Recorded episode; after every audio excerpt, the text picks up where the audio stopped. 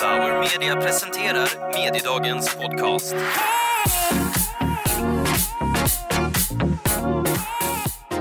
Hej och välkommen till Mediedagens podd som presenteras av Bauer Media. Jag heter Daniel Rosassi. Idag ska jag träffa inspirerande talare på Dagens Medias event Mediedagen.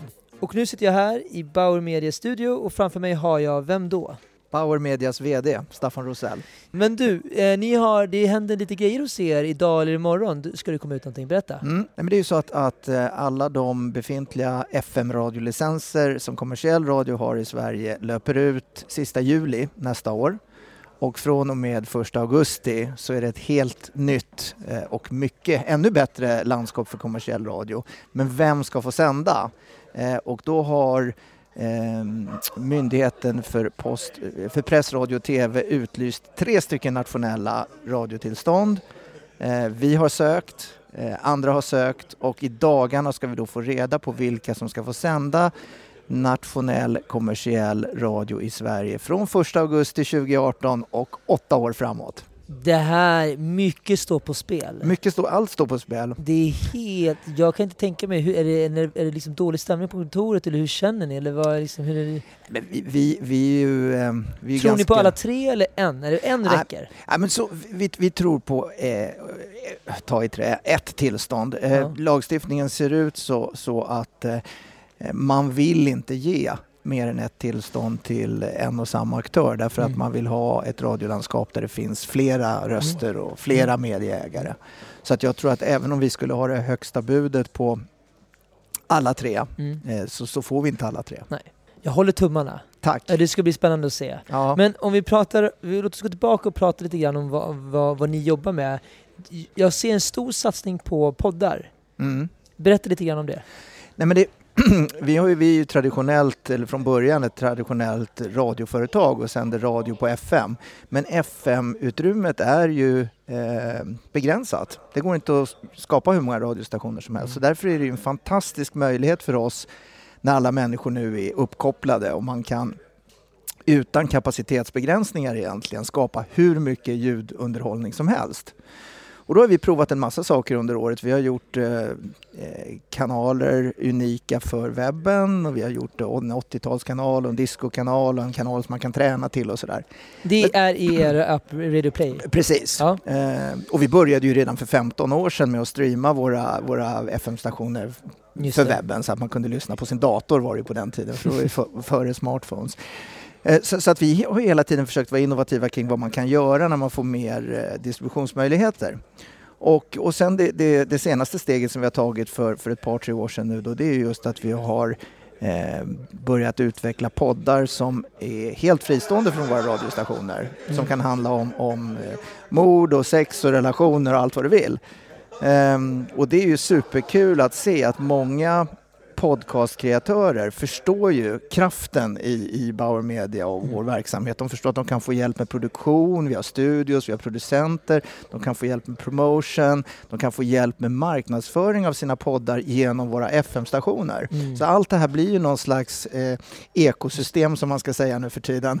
eh, där, där, där liksom saker och ting eh, korsbefruktas på ett, eh, ett eh, jädrigt naturligt sätt. Två funderingar då. Hur ser eh, annonseringen ut i poddarna och Mm. eh, vilka typer av poddar har gått bäst? Vad ser du för trender i podden? Är de här två äldre män som pratar med varandra, är den, är den död? Är det mer temapodd, mer nisch? Alltså för oss är det mer temapoddar som, Mm. som har gått bra. Eh, historiepodden, Svenska mordhistorier, Misslyckade brott, eh, Alla våra ligg. Mm. Eh, humorpoddar, Mm. David Batras podd. Ehm, men, men det kommer, alltså jag tror det handlar om kvalitet. Det kan säkert finnas eh, två medelålders vita svenska män som sitter och pratar om någonting och får en jättepublik också. Eh, så att jag tror att i varje, vilken, vilken nisch du än väljer i vilken bransch som helst, om du är tillräckligt bra så, så funkar det. Och berätta, hur ser annonseringen ut? Är det reklamen ut på... eh, i- Ja, men det, är det är bara ljudannonsering. Vi, vi har dels då sponsorer som kan få en integrerad närvaro i poddarna och sen har vi pre-rolls, mid-rolls. Eh, men vi försöker vanlig, att vara radio, vanlig, vanlig ljudreklam. Mm. För vi har ju insett, när vi började så höll vi på med lite, lite banners och såna här grejer och sen så när man börjar titta så här, vad gör folk egentligen? De startar en en radiokanal eller en podd och så stoppar de ner telefonen i fickan. Det är inte speciellt lämpligt att Nej. ha liksom visuell annonsering i en sån Nej. produkt. Så att vi har ju lärt oss längs vägen och, och vi har insett också att vad är det vi kan? Vad är det vi är duktiga på? Vi är duktiga på ljud, vi är duktiga på ljudannonsering. Vi är Mm. störst i Sverige på ljudannonsering. Mm. Vi ska eh, fortsätta och försöka vara innovativa i liksom, den genre där vi är Mm. bäst. För jag kan tycka som, som medieköpare tidigare att radioreklam har varit lite underskattat. Det finns ju en, en kraft i, i, i ljud och jag, jag, och jag känner att eh, podcasttrenden lite grann har eh, gjort ljudreklam lite sexigare. Ja. Eh, så ser ni en skjuts i er vanliga ljudaffär med, tack vare poddar?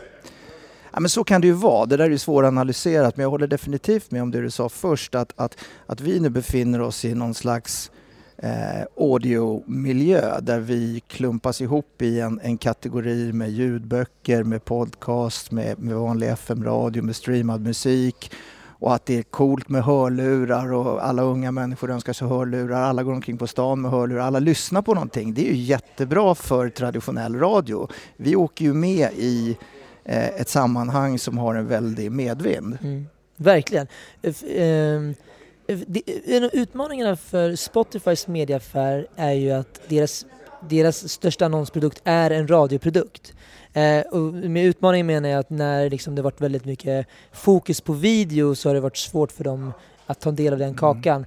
Eh, nu vet inte jag hur, om du kommer svara på den här frågan, men har Spotify hjälpt, eh, gett er en skjuts eller har det varit tvärtom? Eller jag som kanske är lite yngre, överdriver jag Spotifys effekt i att om de har gett, också gett en skjuts i Eh, öka medieinvesteringen för ljud?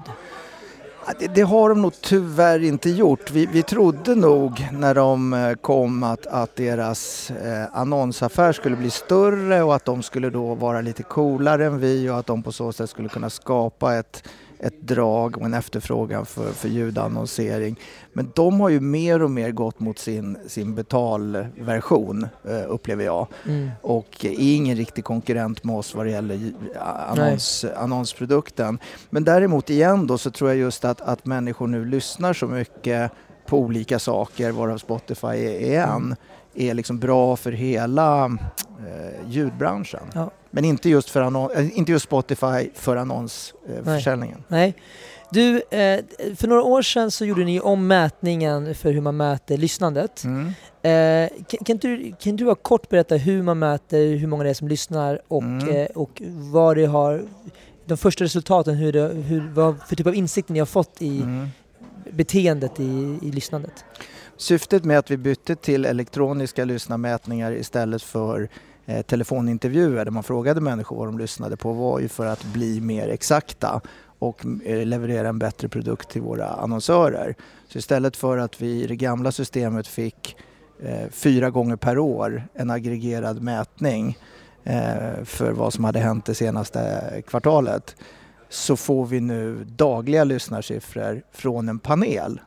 Och man ska i ärlighetens namn säga att alltså, alla mätmetoder är bara mätmetoder och alla har sina styrkor och svagheter. Men styrkan i PPM är ju just att vi nu garanterar våra, våra annonsörer ett visst antal kontakter. Och vi kan mäta utifrån den här panelen hur många kontakter de har fått. Mm. Eh, Så det var, ju ett, det var ju ett lätt beslut om man tänker att det är viktigt att ge annonsörerna bättre produkt och det tänker vi att det är. Sen var det ju dyrt. Eh, Mm. Det kostar ju, kostar ju liksom eh, eh, dubbelt så mycket eller tre gånger så mycket nästan att mäta på det sättet. Men, men det menar vi att det är värt och ska vi hänga med och konkurrera med digitala medier och med alla andra traditionella medier så är ju valutan och mätmetodens trovärdighet fundamentalt Mm. viktig. kan tänka mig också varit en utmaning att få alla med på tåget och alla ska enas och det ena med det andra. Men fanns det någonting som ni bara, åh jäklar är det så här det ser ut? Som, där det var något helt annat i, i panelintervjuerna kontra den elektroniska mätningen? Ja, men det man kan se som är skillnaden eh, med, med, med då i telefonintervjuer och eh, elektroniska mätningar det är att människor när de själva ska berätta vad de lyssnar på överskattar hur länge de lyssnar men underskattar hur många gånger per dag de lyssnar på någon radiostation. Så att, så att det som händer när man går från eh, intervjuer till elektroniska mätningar är att räckvidderna går upp och lyssnartiden går ner. Och det, det där ser man liksom i andra länders, alla länder som har introducerat PPM. Alltså Danmark har ju PPM också, Norge, delar av USA. Eh, så det, det, får man bara, det visste vi för, från andra länder och det hade vi en bra diskussion med köparsidan om att nu får ni inte liksom kasta det här i ansiktet på oss att, att lyssnartiden går ner. För det vet vi att den kommer att göra. Vi vet att lyssnartiden går inte ner. För människor ändrar inte sitt beteende för att vi byter mätsystem. Men resultaten kommer att gå just ner. Det, just det. Uh, så här, för jag gillar är det okej okay att vi pratar om så annonsörsidan av ljud eller känner du att vi pratar om någonting annat? Följer jag din kan, agenda? Kan vi snacka fotboll? Nej, jag har ingen agenda. Nej, du får fråga om vad ja, du vill. Ja, men okay, men så här, kan prata om annonsörssidan. Ja, ja, men för, för mig, tyck, jag tycker ju såklart att eh, eh, alla företag där man är i en bil och ska stanna någonstans, alltså bensin och snabbmat mm. som har drive-in, mm. är perfekta för radio. Finns det någon mm. annan bransch som du tycker borde upptäcka radio och investera mer i radio som underinvesterar i radio? Alla borde investera mer ja, i radio, ja, såklart. Ja, eh, nej men eh, skämt åsido, det är, vi, vi, märker att radio är väldigt bra för företag som vill marknadsföra en, en webbadress till exempel. Mm. Eh, vilket är mycket vanligare än att marknadsföra ett telefonnummer som det mm. kanske var förr i mm. tiden. För att, för att liksom, eh, det, dels, eh, alltså folk sitter ofta, folk lyssnar ofta i, på jobbet, vid datorn, de mm. lyssnar i telefonen. Mm. Det, det, är väldigt kort mellan radio och webben mm. upplever mm. vi. Så det, det, den typen av annonsörer är, är ju ganska vanligt förekommande. Alltså det kan vara olika typer av jämförelseföretag. Det kan det. vara eh, finansiella tjänster, försäkringar, mm. bankkrediter. Så. De, men, de, har ju förstått det här. Men det finns ingen som du säger, vad fan, varför kommer inte ni att börja investera lite mer? Ja, men vi tycker ju att, att eh, hela dagligvaruhandeln och de, de stora jättarna som tillverkar eh, mat och, och, och, godis och glass och läsk borde använda radio mycket mer. FMCG, ja. ja. ja men, och vi förstår ju, vi förstår att de i vissa lägen har behov av att visa sin produkt. Det ska rinna lite skön choklad över ja, vaniljglassen och sådär. Exakt. Men det som radio alltid har varit bra på är ju att förstärka den typen av ofta ganska dyra eh, eh videoproduktioner och dyra reklamlösningar med att liksom få människor att återuppleva den bilden igen när de hör samma melodi eller, eller samma speakerröst eller så. Så där tror jag att de de underskattar nog eh, radions kraft och möjligheten att förstärka visuella kampanjer ideellt. Har du något exempel på en riktigt lyckad, det är klart du har det, men en ryck, riktigt lyckad reklamkampanj i, i radio? Är det Kyckling på fredag? Ja, det är ju hundra år sedan. Ja. Eh, jag hoppas vi har gjort någonting bra sedan dess. Men, men, men alltså McDonalds har ju globalt varit väldigt framgångsrika eh, med sin ljudlogga och, och, och, de har ju också, det finns andra saker som är bra eh, för dem i radio som att de kan vara både väldigt lokala och nationella. Eh, för ibland så, så, ska man marknadsföra någonting som en, en nybörjare eller vad det kan vara. Något man har gjort med Djureskog och, och ibland så ska man bara marknadsföra att vi öppnar en ny restaurang i Nyköping och då vill man vara väldigt lokal. Så att, Båda går? Ja, båda går. Sen, sen så är, är, ju Svenska Spel är ju väldigt stora eh, annonsörer hos oss också och har gjort, eh, gjort mycket bra. Vill du, vill du avsluta eller summera det här samtalet med så vad bör eh, radioskeptikerna Eh, har du något meddelande till dem eller någonting mm. du vill avsluta det här lilla samtalet med? Ja, det är skönt att det finns allt färre radioskeptiker eh, tycker jag. Eh, om man ska vara lite kaxig kan man säga boka i tid för det är många som vill gå i radio nu. Bra, bra avslut. Det är det bästa du skulle kunna sagt. Tack så jättemycket. tack.